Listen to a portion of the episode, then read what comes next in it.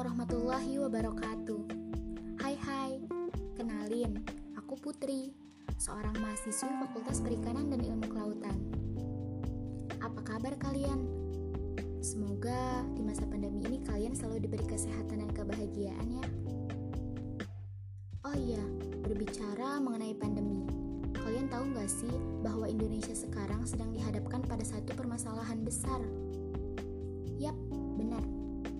Sampah. Sampah memang tak pernah habis dimakan waktu. Terlebih lagi di masa pandemi ini, kita sebagai masyarakat Indonesia sering menghabiskan waktu selama di rumah.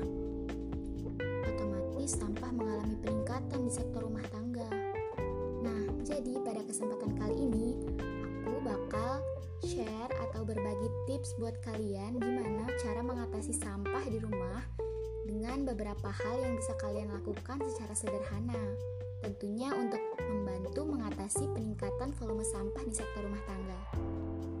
Hmm, kalian pernah dengar gak sih istilah makenal maka tak sayang?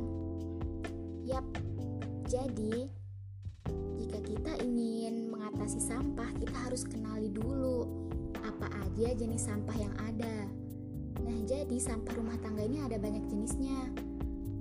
Salah satunya seperti sampah organik dan sampah anorganik. 48% sampah rumah tangga ini ternyata dibuang ke tempat pembuangan akhir atau TPA. Nah, ternyata buang sampah pada tempatnya aja itu nggak cukup loh untuk melindungi lingkungan dari kerusakan.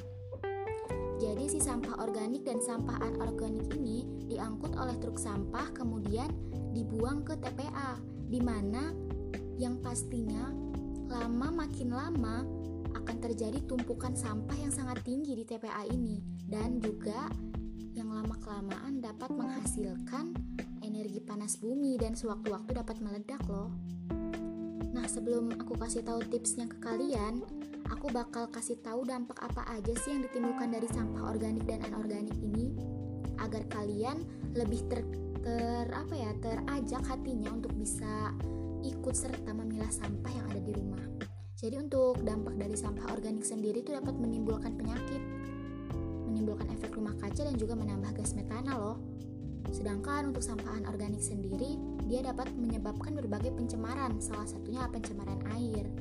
Dan for the information, sampah anorganik ini tidak bisa terurai sama sekali. Beda halnya dengan sampah organik. Pilah sampah teman-teman. Caranya dengan kalian menyiapkan dua tempat sampah yang berbeda di rumah kalian. Satu untuk sampah organik dan satu untuk sampah anorganik. Nah, untuk sampah organik sendiri, eh, kita bisa membuatnya loh menjadi suatu pupuk kompos di mana sampah-sampah tersebut kita masukkan ke dalam komposter atau biopori dan dihasilkan suatu pupuk cair. Sedangkan untuk sampah anorganik sendiri, kita bisa memilahnya atau sementara menyimpannya di rumah sampai situasi corona ini mereda. Kemudian baru kita berikan ke bank sampah. Dan secara tidak langsung kita juga bisa ikut mensukseskan para pekerja pabrik dan juga e, para kerajinan daur ulang. Dan setelah kita menukarkannya kepada bank sampah, kita bisa menghasilkan uang atau menukarkannya dengan uang. Nah, untuk bank sampah ini sendiri, dia menerima berbagai jenis sampah seperti kardus, eh, botol plastik, kertas koran, dan masih banyak yang lainnya.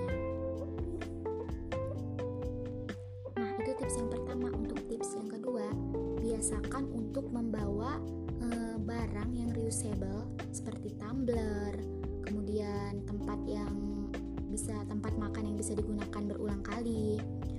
Dan kalian tahu nggak sih ternyata botol plastik kemasan itu menjadi salah satu jenis sampah terbesar di dunia loh.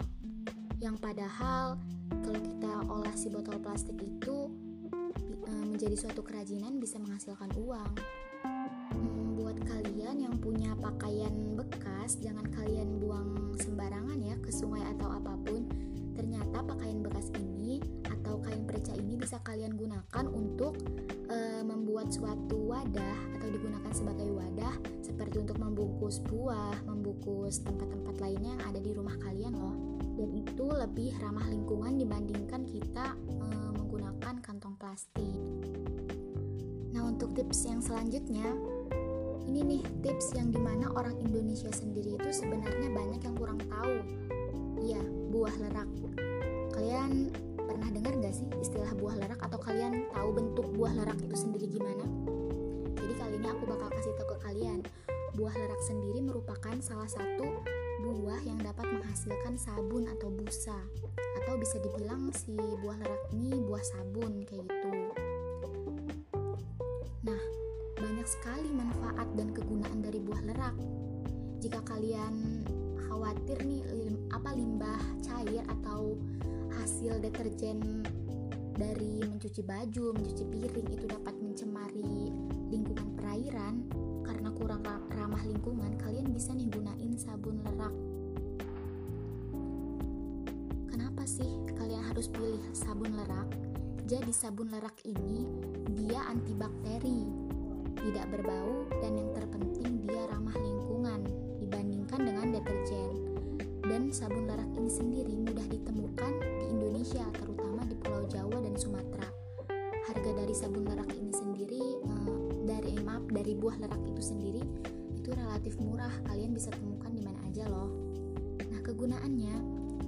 Jadi si buah lerak ini bisa digunakan sabun untuk mencuci piring, pakaian, bisa kalian gunakan untuk shampoo, sabun mandi, mengepel lantai, pembasmi serangga, dan yang penting bisa kalian gunakan untuk cuci tangan.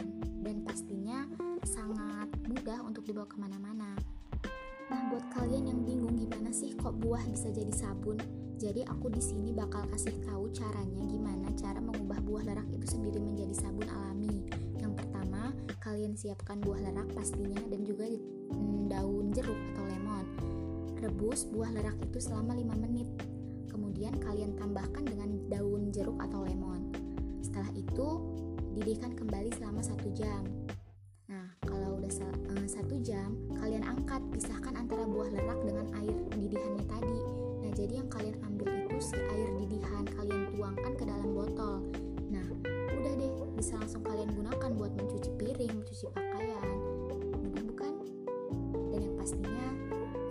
sabun buah lerak ini sendiri tuh ramah lingkungan itu pasti.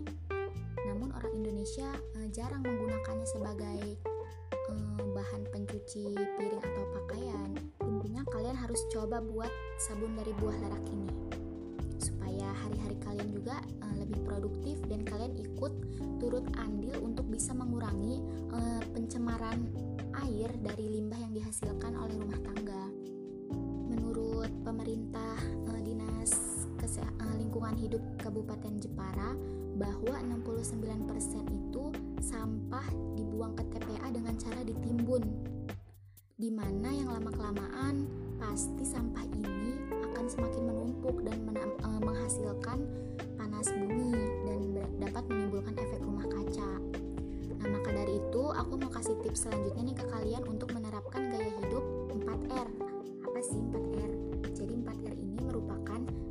reduce, reuse, recycle, dan recovery.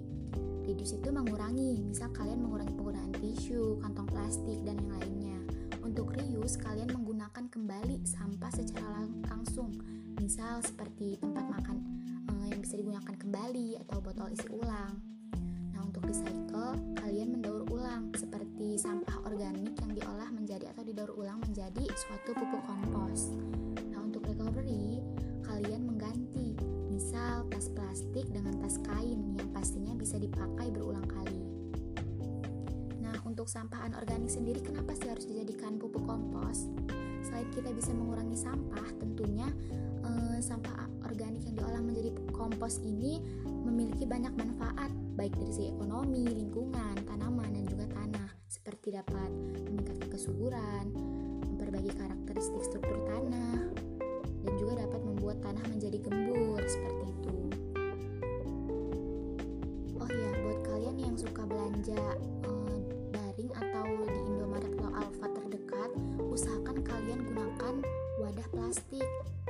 Misal nih kalian bilang ke Mbak atau Masnya, Mbak, Mas, maaf, Uh, lebih baik gunakan kantong plastik yang saya bawa aja ya uh, kan wadah atau ekobag yang saya bawa aja ya untuk bisa mengurangi peningkatan dari sampah plastik itu sendiri lama-kelamaan orang yang ada di sekitar kalian secara tidak langsung bisa mengikuti apa yang kalian lakukan dan secara tidak langsung kita juga mengedukasi orang yang memang uh, kurang akan kesadaran tentang pentingnya menjaga lingkungan dari sampah ini seperti itu.